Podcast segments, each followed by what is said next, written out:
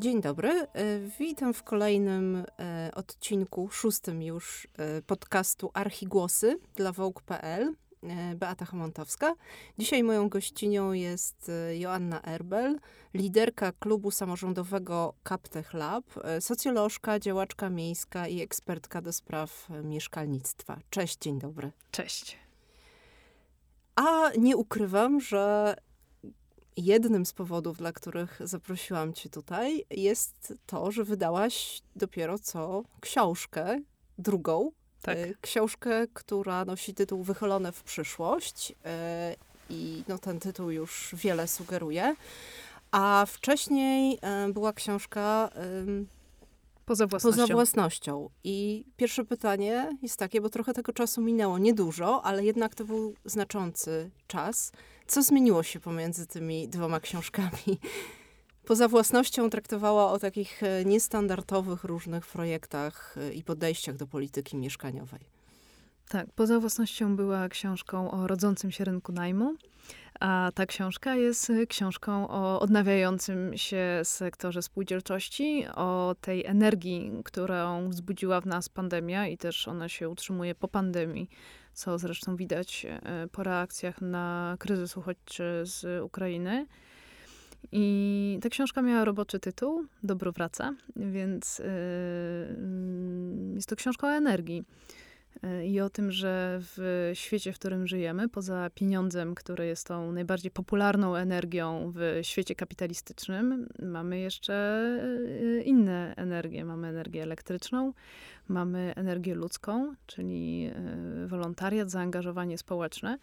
I jeśli chcemy planować e, świat przyszłości, w którym będziemy musieli te nasze różne zasoby i finansowe, i energetyczne, te ludzkie i te e, takie można powiedzieć prądowe, będziemy musieli je oszczędzać, to musimy szukać takich sposobów, e, które pozwolą nam zużywać je w sposób najbardziej optymalny. I to jest taki jeden merytoryczny wątek, a takim wątkiem ideowym tej książki jest y, taka próba nakłonienia czytelników i czytelniczek do tego, żebyśmy wyobrażali sobie świat w tej swojej lepszej y, wersji i starali się każdego dnia y, robić coś, co nam tą lepszą wersję tego świata przybliży.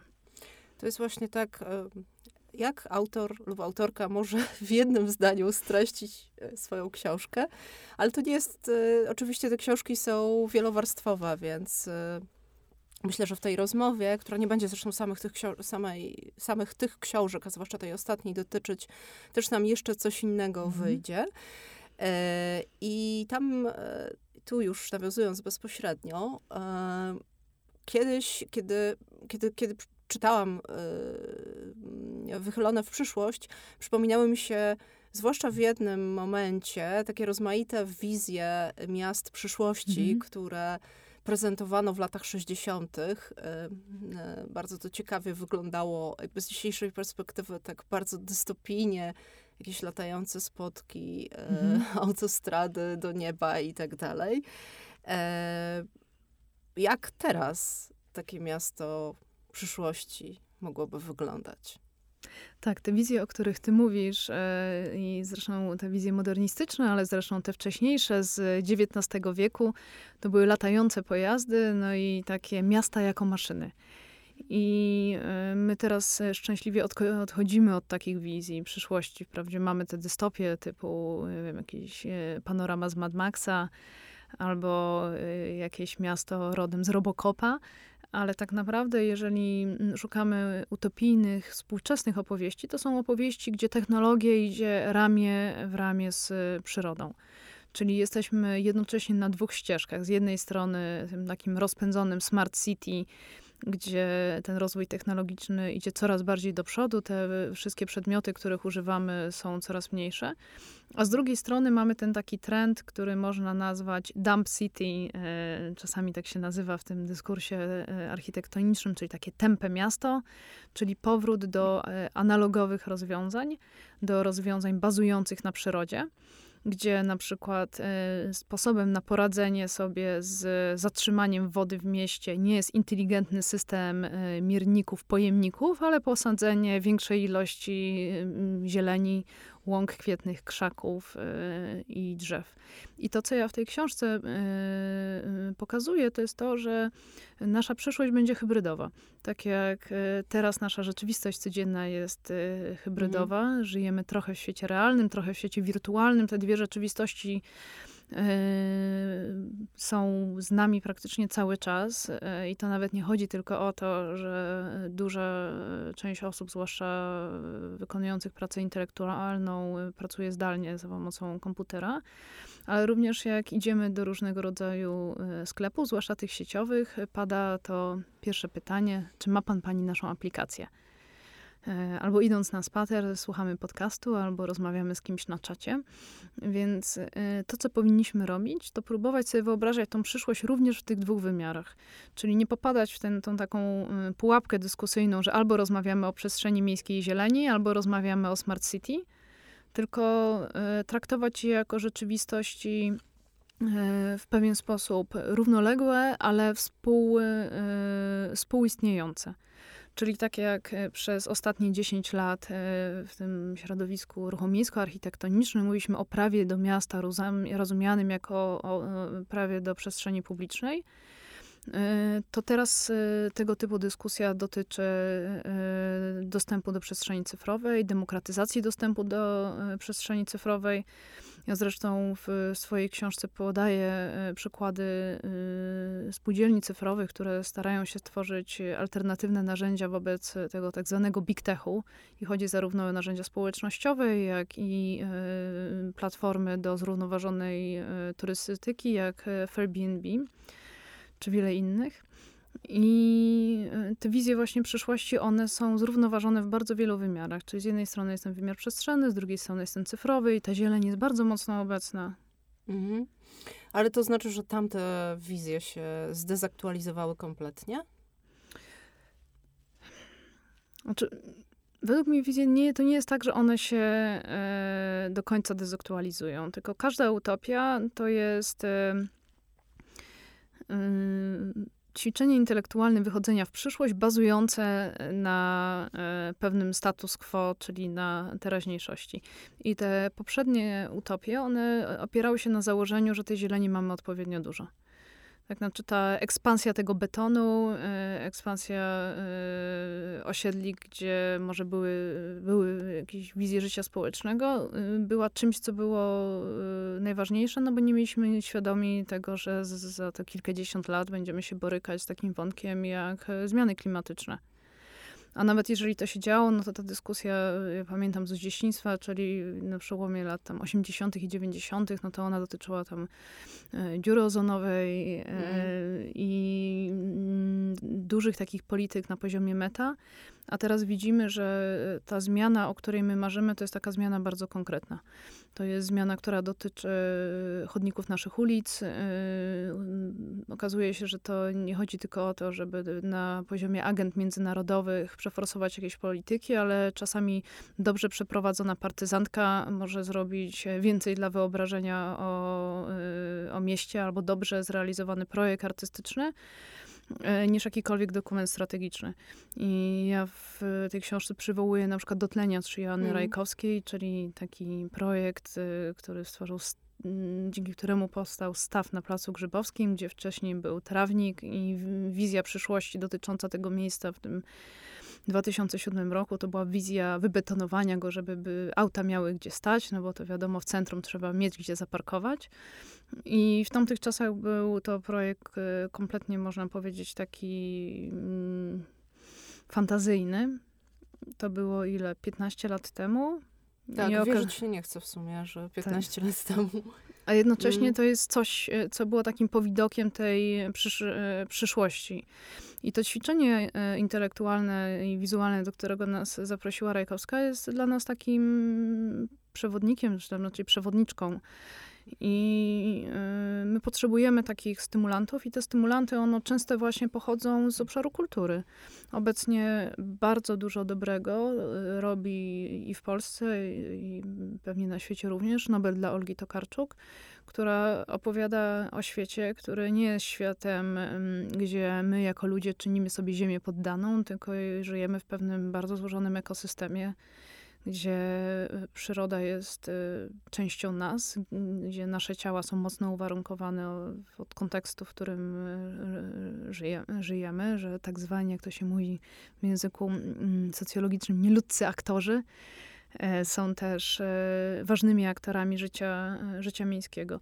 I to są takie wątki, które one już od dawna istnieją w dyskusji teoretycznej, ale to, co się zdarzyło przez ostatnie dwa lata, czyli ten okres pandemiczny, to jest to, że my poczuliśmy, że to jest bardzo ważne, że nasze ciała są kruche, że to, ile mamy zieleni w swoim najbliższym otoczeniu, wpływa na to, jak się czujemy, czyli na poziom mm, też naszego zdrowia psychicznego, a mówiąc e, tak, e, można powiedzieć bardziej funkcjonalnie, również na poziom naszej produktywności. E, więc trzeba o to, o to zadbać i troszeczkę inaczej wymyślić tę mm, naszą przyszłość i szukać takich rozwiązań, które są holistyczne. Mhm. Dwie rzeczy, które tutaj, o których myślałam, kiedy mówiłaś, to są, to są dwa różne wątki, ale one się też jakoś tam ze sobą zazębiają oczywiście. Jeden to jest takie zdanie, które chyba jest jednym z ważniejszych dla mnie zdań w tej książce, czy tez postawionych, że czy odkryć może, że obecnie rozwój e, nie ma charakteru linearnego, mhm. tylko się odbywa tak spiralnie. To jest też w ogóle e, takie bardzo buddyjska wizja świata, powiedziałabym. Mhm. E, I możesz to rozwinąć. A druga kwestia to jest to, do, o czym mówiłaś, o co cię też jeszcze chciałam zapytać, może będę drążyć, to jest właśnie rola e, pojedynczych osób i w ogóle mikroskala, czyli mhm. takich indywidualności E, jak Joanna Rajkowska albo mm, pojedynczych aktywistów, którzy potem się łączą w grupy i robią jakieś, realizują jakieś projekty, które się wydają kompletnie e, nikomu niepotrzebne, albo utopijne, albo mm, a później nagle one, one zmieniają w bardzo dużej y, nawet skali całe miasto. Mhm. To może zaczniemy od tej e, spirali, mhm. bo e, mówienie o rozwoju, który jest e, rozwojem cyklicznym, ale nie takim, że cały czas wracamy do tego samego, tylko że kolejne opeki są takimi kolejnymi iteracjami, powtórzeniami, to jest wizja świata, w, w którym jeżeli powraca nam jakiś wątek, na przykład e, spółdzielczość, e, która była z nami w Polsce, mniej więcej powraca w Polsce co 50 lat, e, mhm. z czego ta sprzed 100 lat to była ta spółdzielczość, która w sumie jest nam najbardziej bliższa, bliska, bo to była taka spółdzielczość czasów kryzysu, czasów dwudziestolecia między, międzywojennego, niedoborów. To nie powinniśmy tego traktować jako pewien regres, tylko jako kolejną próbę użycia pewnego narzędzia społeczno-ekonomicznego do odpowiedzi na mm, aktualne wyzwania. I ja tam czytuję y, taką amerykańską ekofeministkę y, Starhawk, y, która mówi, że z energią to w ogóle jest tak, że to nie jest nigdy y, w ten sposób, że ona idzie w jednym kierunku. Czyli, że po takim ruchu w stronę indywidualizacji, czyli naszych ostatnich 30 latach, prawda, no bo całe moje życie to był okres, gdzie uczono nas, że musimy być niezależnymi jednostkami, mobilnymi, że wspólnota i korzenie to jest raczej obciążenie niż wartość. Czyli po tym e, takim dowartościowaniu e, naszej indywidualnej sprawczości po czasach e, komunizmu, gdzie jednostka miała znacznie mniejsze znaczenie, znowu zdajemy sobie sprawę, że mm, bazowanie tylko na sobie może niekoniecznie jest dobrym, dobrym rozwiązaniem. Czyli wracamy do tej idei takiej kolektywnej, ale w zupełnie już innym wariancie. Czyli y, wiemy, że opłaca nam się żyć w społecznościach, społecznościach, które siebie wspierają, ale to nie mają być społeczności identycznych jednostek, gdzie każdy ma takie same kompetencje, tylko musimy po prostu bazować, bazować na naszych talentach. I tutaj przechodząc płynnie do Twojego drugiego mm, pytania o ten wpływ jednostek, E, ja w swojej książce przywołuję e, krzywą innowacji. To jest taki model teoretyczny, który mówi o rozkładzie e, osób i ich stosunku do innowacyjnych projektów. E, gdzie 2,5% to są innowatorzy, innowatorki, czyli te osoby, które wymyślają nowe, nowe rzeczy, mają te takie powidoki z przyszłości. To może być właśnie wspomniana wcześniej Joanna Rajkowska, to może być wizjonerski architekt albo przedsiębiorca, albo przedsiębiorczyni, albo każda inna osoba. Potem jest grupa tak zwanych wczesnych naśladowców, który, czyli osób, które mówią, ojej, jaki fajny pomysł, tak, faktycznie, to jest dobra odpowiedź na współczesne czasy i oni tworzą około 15%. E, po drugiej stronie jest grupa mniej więcej podobnie liczna maruderów i maruderek, e, co nam daje 30%. Gdzieś tam w środku jest 70% e, społeczeństwa, które jest odpowiedzialne de facto potem za wdrażanie tej zmiany. I e, pokazywanie tego całego przekroju społecznego pozwala nam za, e, zauważyć, że każdy z nas z, ma troszeczkę inną funkcję. To nie jest tak, że żeby świat był lepszy, potrzebujemy tylko innowatorek, innowatorów, tych osób, które wyznaczają trendy e, ale potrzebujemy też osób, które ten pomysł podchwycą i go na przykład wdrożą na swoim lokalnym podwórku, a potem kolejnych osób, które będą go podtrzymywać, czyli e, utrzymywać pewnego rodzaju stabilność e, stabilność społeczną. I to, co ja chcę pokazać w tej książce, to jest to, że jak my mówimy o powstawaniu nowych e, pomysłów, innowacji, my de facto mamy do czynienia z pewnego rodzaju sztafetą. Jednym z takich przykładów, które przywołuję, jest historia baru prasowego, który został zeskłotowany w grudniu 2011 roku przez ruch anarchistyczny, osoby związane z, z skłotem Syrena. Potem wytworzyła się grupa obrońców i obrończyń baru prasowego, gdzie weszły też e, e, aktywistki i aktywiści. E, I te... w, włączając w to obecną tutaj tak, wypowiadającą się Tak, tak, ja też tam byłam i te osoby usiadły, usiadły do stołu z władzami Śródmieścia. I to, co dla mnie pewnie wtedy nie było jakoś tam oczywiste, dopiero zobaczyłam to po latach, to jest to, że E, grupa osób, która usiadła potem do stołu z władzami miasta, to w większości była inna grupa niż ta, która zeskłotowała ten lokal. E, mm, I to nie jest tak, że ktoś z nas był lepszy albo gorszy, tylko po prostu nasze e, kompetencje z jednej strony były uzupełniające się, czyli umiejętność dokonania jakiegoś radykalnego, nie do końca legalnego ruchu, z umiejętnością jakiegoś przemediowania pewnego rozwiązania. E, I żeby. I historia baru prasowego jest taka, że udało się stworzyć e, wytyczne do konkursu profilowanego na bar mleczny, który wygrał przedsiębiorca Kamil Hagemeyer i e, otworzył tam bar prasowy w swojej nowej odsłonie.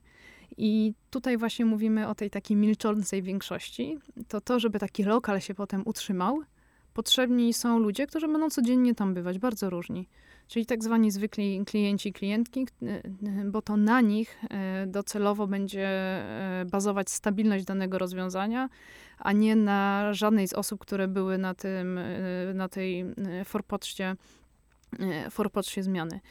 I to, co jest, ja też widzę po tam 10 latach uczestniczenia, zresztą pewnie kilkunastu w, w ruchach społecznych, to jest to, że to, że my mamy y, różne spojrzenie na wiem, poziom radykalizmu, na strategię, no to jest dobrze. I to, czego powinniśmy unikać, to jest y, szukania jednej uniwersalnej, dobrej strategii dla wszystkich. Bo y, jeżeli tak się stanie, no to w praktyce okaże się, że ta uniwersalna strategia może jest dobra dla osób, które są bardziej charyzmatyczne albo są w większości, ale wykluczy wszystkich pozostałych że te strategie zmiany e, świata powinniśmy budować na, e, na takiej, można powiedzieć, społeczno-różnorodnej wielości. Mhm. No tak, takie wielkie strategie y, dla wszystkich, czyli często dla nikogo, to też już jest przeszłość. To właśnie gdzieś mhm. to było to planowanie takie z lat 60. czy 70. Ale też sobie tak myślę o tym, co powiedziałaś, że często to o, o tym przykładzie może prasowego też, bo to, to, to, co się stało dalej w tej historii jest ciekawe, że też powstała cała sieć tych barów i tak. właśnie ci ludzie, którzy z nich korzystają, to jest niezmiernie różnorodne, właściwie cały pełen przekrój społeczny, ale też jeszcze o tym dotleniaczu, że tam e, właśnie czasem ta grupa ostatecznych odbiorców jest trochę inna niż sobie na przykład ją wyobrażano z początku i ten projekt też ewoluuje w taką stronę, bo e, to, co później tam zrealizowało miasto przy Placu Grzybowskim, mhm. to było bardziej takie uładzone, nie do końca no, no, był to okrojony projekt Rajkowski, można powiedzieć. Znaczy szedł w tym samym kierunku, żeby stworzyć tam takie wspólne miejsce do Tak zwane założenie wodne? założenie wodne, tak, żeby ludzie mogli odpoczywać sobie y, właśnie nad, nad zbiornikiem wodnym, no ale to już nie było takie spektakularne jak ten pierwotny projekt. A potem to w ogóle wyrosło, bo projekt Rajkowski powstawał, kiedy zupełnie inaczej wyglądała ulica Próżna w Warszawie mhm. i jej otoczenie. Tam były bloki, stare kamienice, a potem wyrosła tam taka mm, właściwie paradzielnica, mikrodzielnica, e, trochę biznesowa, mhm. trochę apartamentów na wynajem i to jest ciekawe, że teraz ci sami ludzie i, i też zaczęli tam przychodzić turyści czy ludzie z innych e, w ogóle stron Warszawy. I ci ludzie są też teraz użytkownikami tego zbiornika wodnego, nazwijmy to. że to y, na pewno nie, nie, na, na, początku w ogóle nie taka była, nie takie było gdzieś pewnie docelowa grupa. Znaczy przede wszystkim to w ogóle nie był projekt e, dotyczący przyszłości e, przestrzeni miasta. To e, Dotleniarz był projektem historycznym, był pracą z Pamięcią. z traumą, mhm, z, tak, z, tak. z, traumą w getcie żydowskim i, z, i woda miała ten taki wprowadzenie wody miało taki element, można powiedzieć, rytualno oczyszczający z jednej strony, z drugiej strony to miało być takie miejsce, które miało być jak studnia, gdzie ludzie mieli się spotykać. I e, też ten stosunek do zieleni był zupełnie inny, no bo to była taka zieleń, do, z którą mo możemy mieć taki wielozmysłowy kontakt, w przeciwieństwie do tego, co jest teraz, bo to jest zieleń tylko do patrzenia. Tak, tam tych roślin na obecnym e, placu grzybowskim gatunków jest mnóstwo. Są jakieś e, piękne, ozdobne czosnki, e, tam pewnie cały ogród botaniczny jest, ale z drugiej strony nie można sobie wziąć kocyka i położyć się na trawie. W sensie te nasze ciała są zdyscyplinowane. Więc y, to taka jest, y, y, to był taki, można powiedzieć, zgniły kompromis pomiędzy pewną piękną, futurologiczną, ponadczasową wizją Rajkowskiej, a pewną wizją rewitalizacji, którą miały władze miasta, z którą te, wtedy teraz walczymy bo to, co jest tak naprawdę kontekstem do, dla Placu Grzybowskiego, y, to są y, remonty wielu placów, w, zwłaszcza mniejszych miastach, gdzie w ogóle pozbyto się zieleni i drzew i wyłożony granitem. To jest dokładnie ten sam granit. Więc można powiedzieć, że e, z perspektywy tego, jak z wielką katastrofą mogliśmy mieć do czynienia na tym placu, E, to udało się jednak troszeczkę przesunąć, troszeczkę się wychylić w stronę tej przyszłości, aczkolwiek e, za mało. E, takim innym miejscem, którym też piszę, jest osiedle jazdów, o które walczyliśmy w 2012 roku, żeby nie usunąć osiedla domków fińskich, bo traktować je jako element dziedzictwa historycznego.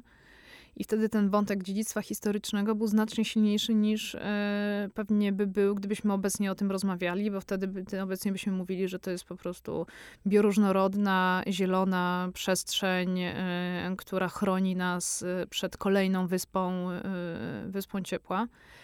Więc y, to też był jakiś taki projekt, który mm, był bardziej progresywny y, niż y,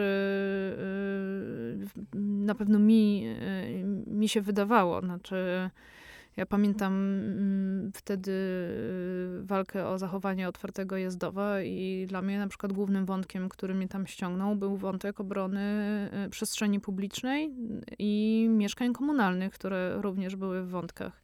Ty... Mhm, tu może dodajmy, bo, bo nie wszyscy wiedzą, że osiedle Jazdów to jest y, pozostałość po odbudowie Warszawy, mhm. to znaczy osiedle domków fińskich w ścisłym centrum, obok ambasad, obok budynków rządowych i Sejmu, e, taka enklawa zieleni właśnie z drewnianymi domkami, w których mieszkali e, między innymi architekci z Biura Odbudowy Stolicy i właśnie to już będzie chyba z dekadę temu mhm. E, miasto chciało zburzyć te, znaczy po prostu ten teren miał być oddany deweloperom na, na On tam miała dzielnica ambasad powstać, znaczy w mhm. sensie tam miały powstać instytucje. Mhm. A jeszcze spytam cię tak, nawiązując do tego cyklu, o którym mówiłaś, ile potrzeba czasu, żeby tak wyjść na z tej, lokalności jeszcze trochę to uogólnić, ile potrzeba czasu, żeby ta grupa 70%, czyli e, powiedzmy tej większości, e, zaadaptowała to, co mm, zaproponują innowatorzy, żeby się do tego przekonała? Tak naprawdę nie wiadomo, ale e, zwykle e, mniej niż nam się wydaje. E, zresztą takim e, e, sukcesem, który był zaskoczeniem dla wszystkich, był sukces roweru miejskiego w Warszawie. E, bo jak 10 lat temu właśnie mm, powstawała e, sieć rowerów Veturilo, e, to byliśmy na etapie dyskusji, czy jest sens tworzyć rower miejski w momencie, kiedy nie ma infrastruktury, która tak zwanej zwykłej osobie pozwoli w sposób bezpieczny psychologicznie również, nie tylko po prostu fizycznie poruszać się po mieście. Więc e, ta dyskusja trwała, więc e, i nawet były takie głosy, że e, wystartowanie z rowerem miejskim to jest falstart. Mhm. Ale potem okazało się, że jest wręcz przeciwnie, że warszawiacy i warszawianki pokochali rower Veturilo do tego stopnia, że okazało się, że firma Nextbike e, nie doszacowała e, poziomu eksploatacji, bo te umowy wyglądają w ten sposób, że e, miasto płaci określoną sumę operatorowi, a to, co potem zarobi na rowerach, idzie do kasy miejskiej. Więc tutaj sukces Veturilo był obciążeniem dla firmy komercyjnej, która nie doszacowała e, e potencjału swojego projektu. E, okazał się być dobrym źródłem dochodu dla samorządu i po, po, potem te pieniądze szły na po prostu miejską e, infrastrukturę ro, rowerową.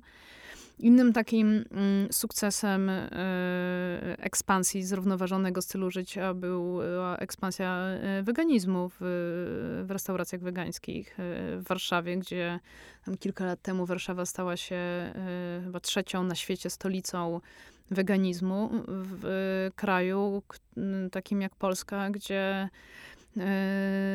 nie można powiedzieć, że wegański sojowy to jest, wegański schabowy to jest danie tradycyjne, tylko raczej jesteśmy kojarzeni z taką miejską, miejską kulturą.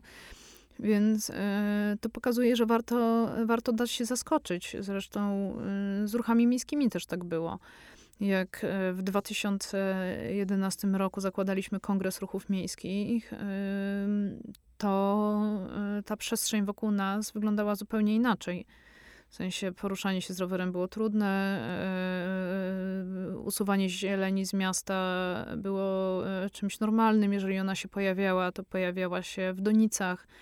To był czas, kiedy powstał pasaż Wiecha, ale w tej swojej pierwotnej wersji, y, która bardziej przypominała lotnisko i par startowy niż przestrzeń publiczną. Dopiero później tam się pojawiły jakieś na, nasadzenia, czy w ogóle jakaś, jakaś zieleń w donicach.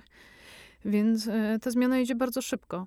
To zresztą widać również w, mm, w obszarze mieszkalnictwa w dwóch wymiarach. Z jednej strony, jak ja tam trzy lata temu zaczynałam pisać moją książkę poza y, własnością, która mówiło, mówiła o rosnącym rynku najmu, no to tego rynku najmu w ogóle nie było. Kiedy rok później y, ja już skończyłam, to było 50 tysięcy mieszkań w, w tak zwanych pipeline'ach deweloperskich. Teraz y, najem jest y, traktowany jako y, obszar, który jest jakimś takim równoważnym obszarem polityki mieszkaniowej, a nie tylko czymś, co jest domeną lokatorów komunalnych, bo wiadomo, bo normalna ścieżka do mieszkania to jest własność. Mm, my żyjemy w takich czasach, gdzie, te, gdzie takich cykli możemy obserwować, pewnie będziemy obserwować bardzo dużo w życiu każdej i każdego z nas. Dlatego tym bardziej większa odpowiedzialność na nas spoczywa, żeby próbować z nimi, spróbować rezonować z tymi, które są e, tymi pozytywnymi zjawiskami. Mhm. A jeszcze dochodzą też po drodze różne, można powiedzieć, czarne łabędzie. Tak. Czy takie sytuacje, jak choćby to, że teraz bardzo wielu uchodźców z Ukrainy przybyło do Polski i w związku z tym ten rynek najmu się drastycznie skurczył, e, ceny znowu, tak, ceny poszły w górę i znów się zaczyna też na ten temat dyskusja od zupełnie innej strony, więc... Tak, ale to... na szczęście temat polityki mieszkaniowej znowu wraca na agendę e, polityczną. On był na przykład teraz silnie reprezentowany we Wrocławiu podczas e, spotkania z samorządowców i, i, i osób eksperckich z całego kraju właśnie w kontekście napływu osób z Ukrainy. Mhm. Y, to teraz e, mówiliśmy, mówiłyśmy dużo o Warszawie, znaczy ten wątek warszawski jest bardzo istotny, mhm. myślę, dla nas obu i w ogóle wątek dużych miast, ale to też, co, czego trudno nie wychwycić w twojej książce, to jest y, trochę przekierowanie właśnie w inną stronę i mm, też nie wiem, czy nie nadużyję tutaj, jeśli powiem, że to jest pewna taka teza, że, tą, że to jest teza w ogóle też twoja, że mm, w tych innowacjach i w tych przemianach e, dużą rolę będą odgrywać miasta mniejsze. Tak, ja stawiam tezę, że przyszłość narodzi się w mniejszych miastach. Dlaczego? E, e, z dwóch powodów. E, jeden powód jest, e, dotyczy trendów globalnych, e, to znaczy, że jak y, zresztą o czym mówiliśmy przed chwilą, y, do niedawna tą taką wizją idealnego miasta przyszłości to była wielka metropolia, prawda? Ona była bardziej albo mniej zielona tam na przestrzeni lat. W ciągu ostatnich kilku lat popularność zyskuje idea miasta 15-minutowego, czyli takiego miasta, gdzie mamy wszystko blisko. I e, to samo, co sprawiało, że te mniejsze miasta były takie, można powiedzieć, e, niedocenione albo miały mniejsze szanse przez ostatnie 30 lat, czyli ich kameralność, e, teraz jest ich atutem. Czyli one w pewnym sensie dostają premię za coś, co byśmy jeszcze do niedawna nazwali zacofaniem. Mhm. A teraz możemy mówić, że to są po prostu pewne potencjały i pewne zasoby, w tym zasoby zieleni, zasoby gruntów, które można wykorzystać. E, przed pandemią pewnie byłaby to teza nazbyt, nazbyt śmiała, ale e, teraz widać, że e, ludzie powoli zaczynają wracać do małych miast albo po prostu się do nich przeprowadzać. Ostatnio podczas jednej z konferencji mm, wiceprezydentka Wałbrzycha mówiła o tym, że od początku pandemii oni notują wzrost liczby mieszkanek i mieszkańców. Bardzo ciekawe, czyli to już ma przełożenie na statystyki, to nie jest, tak, e, powoli. to są jednostkowe takie przypadki. I teraz te miasta mogą, e, mają szansę po prostu konkurować z większymi, e, z większymi ośrodkami. Tutaj takim czynnikiem, który wydawałoby się, że pochodzi z innego obszaru, ale będzie wspierał ten proces, jest to, co się dzieje na rynku komercyjnym. E, na komercyjnym rynku e, mieszkaniowym, bo mamy obecnie dwa typy inwestorów. Z jednej strony są to inwestorzy, inwestorki indywidualne z pokolenia e, boomersów, czyli ludzie urodzeni w latach 50. i 60., którzy właśnie likwidują oszczędności swojego życia, żeby zainwestować je w mieszkania, bo system emerytalny w Polsce nie działa. Z drugiej strony to są duże fundusze. I obydwie te grupy inwestują w, podobne mieszka- w podobny typ mieszkań, czyli e, są to w większości mieszkania e, dwupokojowe albo kawalerki. Czyli te mieszkania dla e, mobilnej klasy średniej, dla młodych, najlepiej dla ludzi bez rodzin, prawda? No bo jak mhm. wiadomo, jak się pojawia dziecko, no to tam problem, żeby ewentualnie się takiego lokatora czy lokatorki pozbyć, tak patrząc zupełnie cynicznie. I y, to sprawia, że y, te mieszkania, których powstaje bardzo dużo teraz w dużych miastach, to będą przede wszystkim mieszkania dla singli i singielek albo dla par.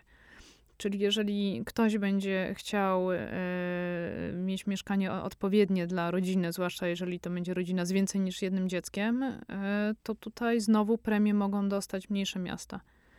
Dodatkową premią będzie to, że dużo tych nowych osiedli, które powstają e, czy w Warszawie, czy w Krakowie, e, czy w innych miastach, to są osiedla, które są fatalnie zaplanowane. Tam nie ma żadnej infrastruktury społecznej, jest daleko do zieleni, to nie jest dobre miejsce dla wychowania, do wychowania dzieci.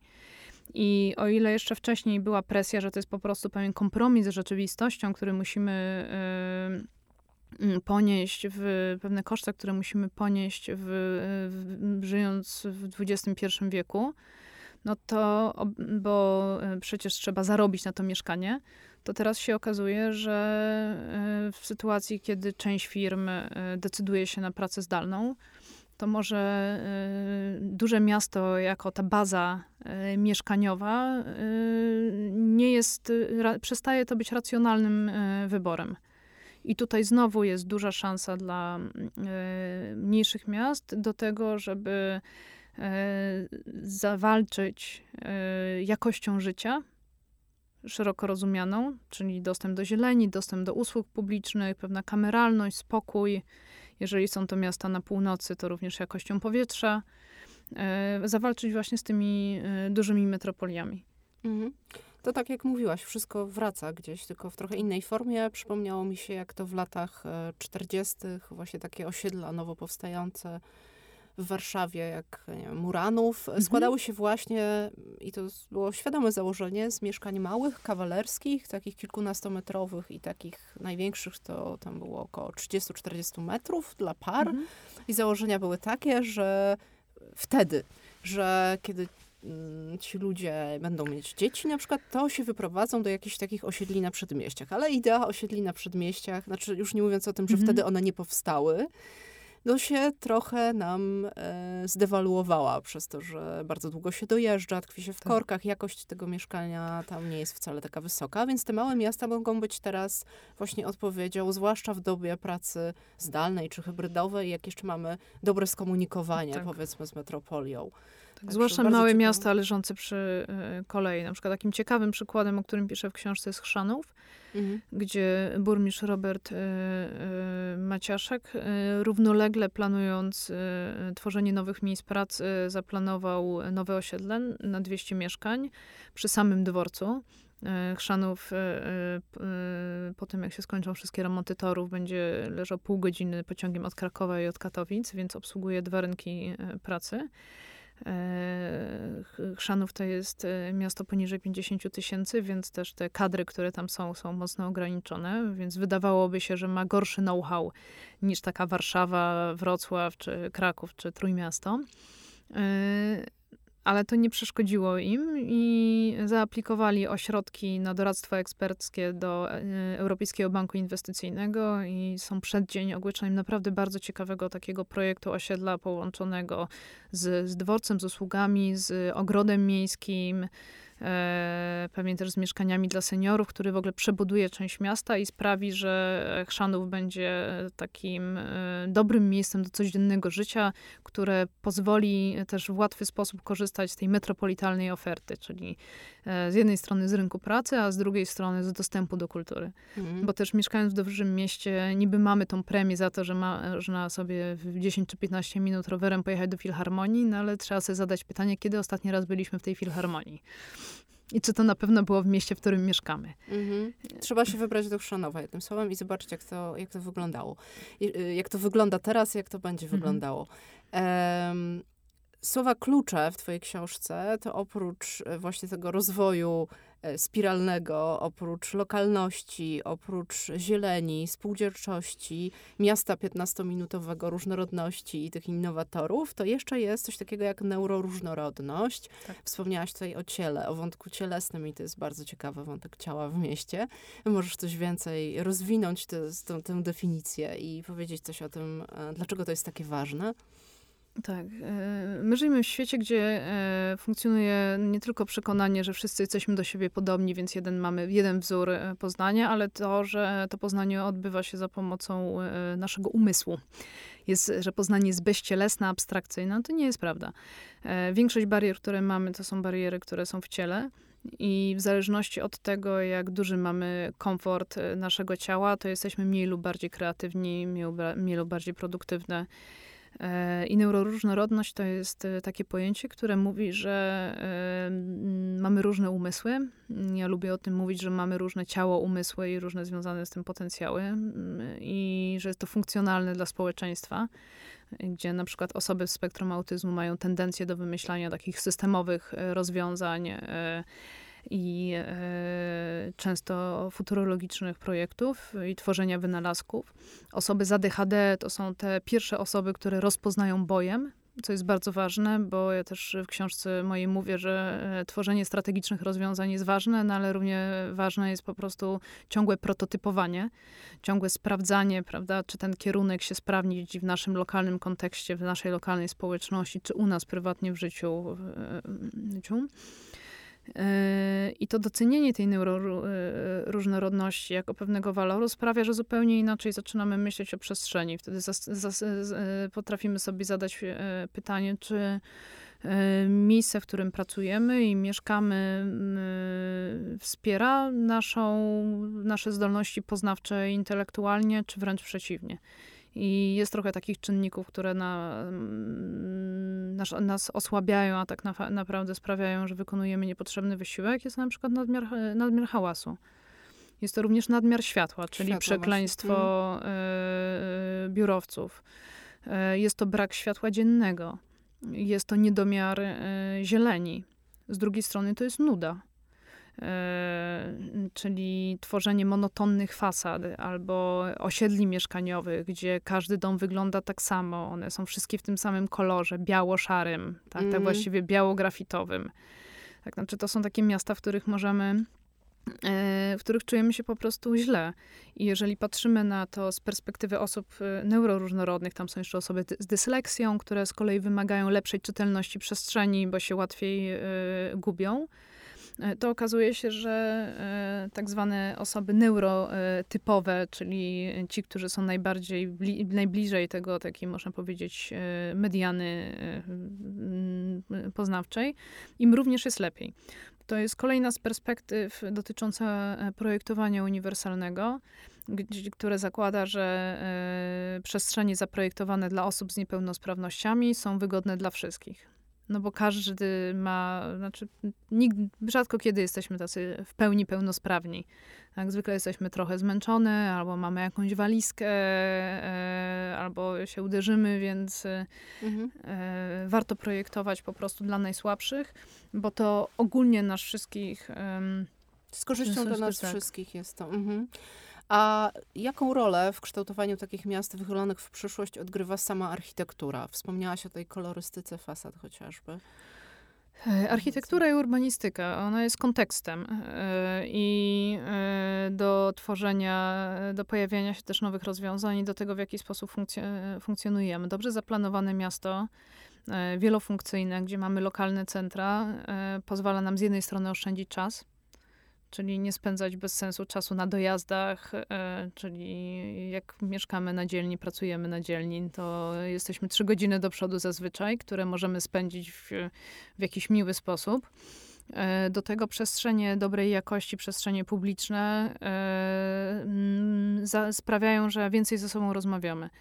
Czyli a z tych e, rozmów, ze zbijania pomysłów, nawet jeżeli to nie są jakieś nie wiem, projektowe spotkania, e, pojawiają się nowe, nowe rozwiązania.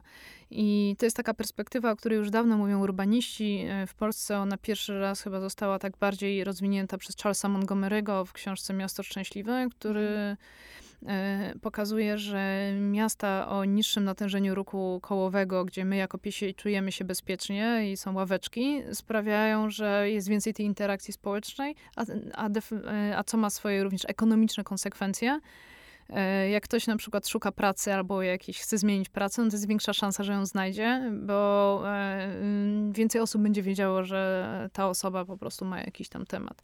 Też projekty się bardzo E, rozwijają. Zresztą ta książka jest e, efektem dobrej przestrzeni. Ona powstała dzięki rozmowom, e, które toczyłam na Placu Nowego Teatru, czyli mojego lokalnego centrum. I wzięła się właśnie z marzenia o tym, żeby w tej naszej tutaj wielofunkcyjnej przestrzeni, gdzie centrum jest instytucja kultury, E, można było wymieniać e, e, pracę wolontariacką, społeczną, na przykład na darmowy bilet do teatru, albo na zniżkę w kawiarni, albo w, albo w księgarni. W sensie, gdyby nie przestrzeń, w której mieszkam, nie byłoby tej książki. Więc przestrzeń bardzo silnie kształtuje nasze, mm, nasze myśli. I e, kształtuje również naszą wyobraźnię, bo zupełnie inaczej się myśli o społeczeństwie, kiedy się mieszka na osiedlu wyłożonym kostką bauma, stujami i z trawnikiem golfowym, a zupełnie inaczej, jeżeli mieszka się w miejscu, gdzie są drzewa owocowe, łąki kwietne, e, jakaś ładna, szlachetna e, architektura bo brzydota miast y, też jest czymś, co jest dla nas bardzo bolesne. Znaczy, można powiedzieć, że ten taki tandetny postmodernizm, bo są wprawdzie perełki y, postmodernistyczne jak Solpol, ale dużo tego, co mamy w naszych miastach, e, to jest po prostu dla nas obciążenie poznawcze. Znaczy jest to, to, to jest, mieszkanie w brzydkich miastach jest męczące, więc teraz te wszystkie te ruchy, które my obserwujemy, żeby włożyć trochę przyrody, nawet jak przez takie mikroakcje, e, nie wiem, czy pamiętasz, ale jak się pojawiły pierwsze budżety partycypacyjne, no to ludzie wyśmiewali te łąki kwietne, mm. te domki dla skrzydatych przyjaciół, domki dla jeżyków. A teraz w momencie, kiedy one się pojawiły i już się pojawiły jako element strategicznego rozwoju miasta, no to y, jaka duża jest różnica w jakości przebywania przestrzeni, czy jechania rowerem wzdłuż y, ulicy, w której rosną kwiaty, a takiej, prawda, gdzie jest jakaś zieleń w donicach ledwo żywa. Mhm, oczywiście. Odpowiedziałaś przy okazji na jedno pytanie, które chciałam zadać. Więc na koniec ruchem spiralnym, nielinearnym, e, wróćmy do y, nieistniejącego planowanego tytułu. E, Dobro wraca, jeśli mhm. dobrze zapamiętałam. E, odwołujesz się też, czy dobrze to rozumiem, bo wspomniałaś tutaj o tej brzydocie która źle na nas wpływa, trochę do takiego platońskiego, greckiego ideału, prawda, dobro, dobro piękno. Mm. Prawda, dobro, piękno i współpraca, e, bo Dobro wraca, które miało być tytułem książki, jest e, tytułem jednego podrozdziału, który się nazywa Dobro wraca, inwestycje w przyszłość.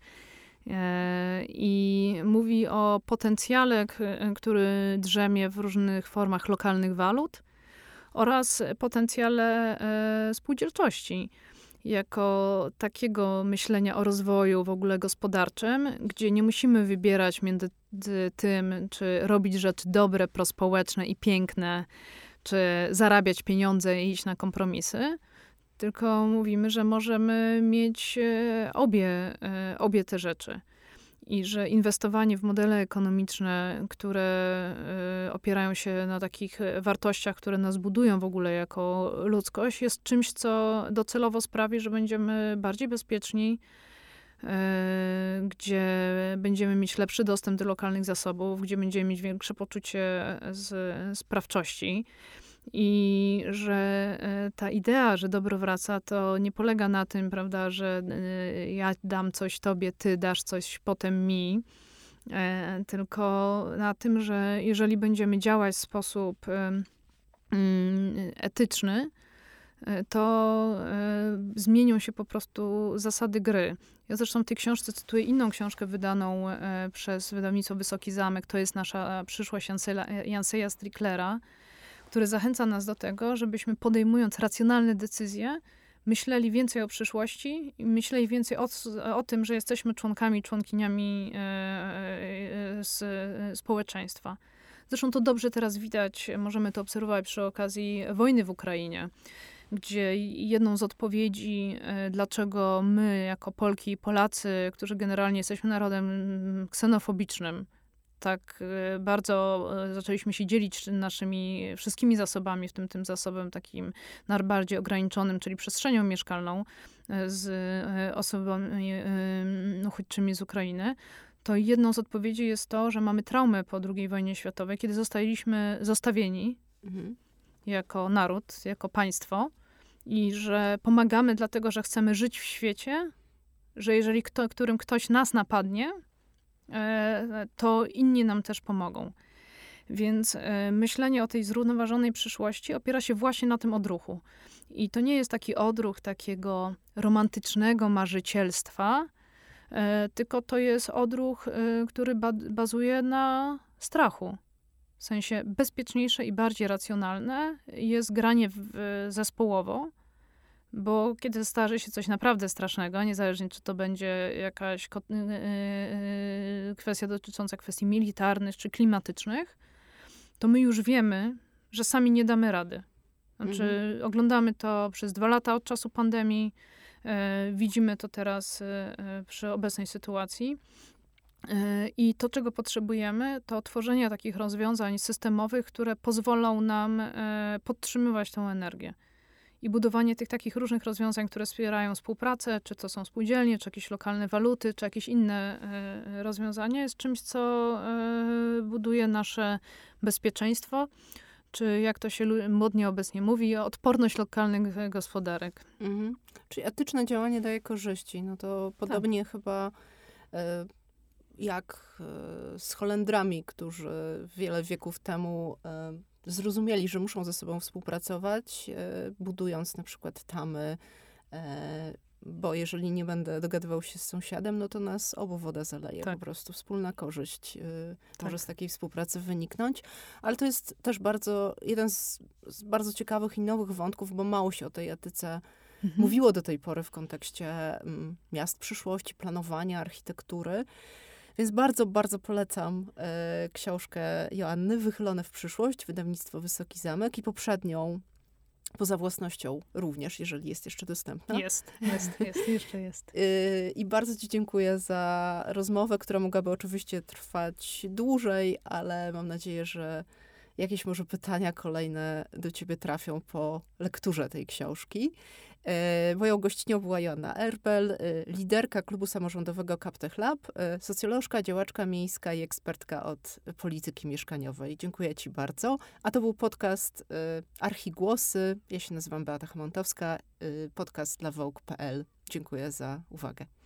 Dziękuję.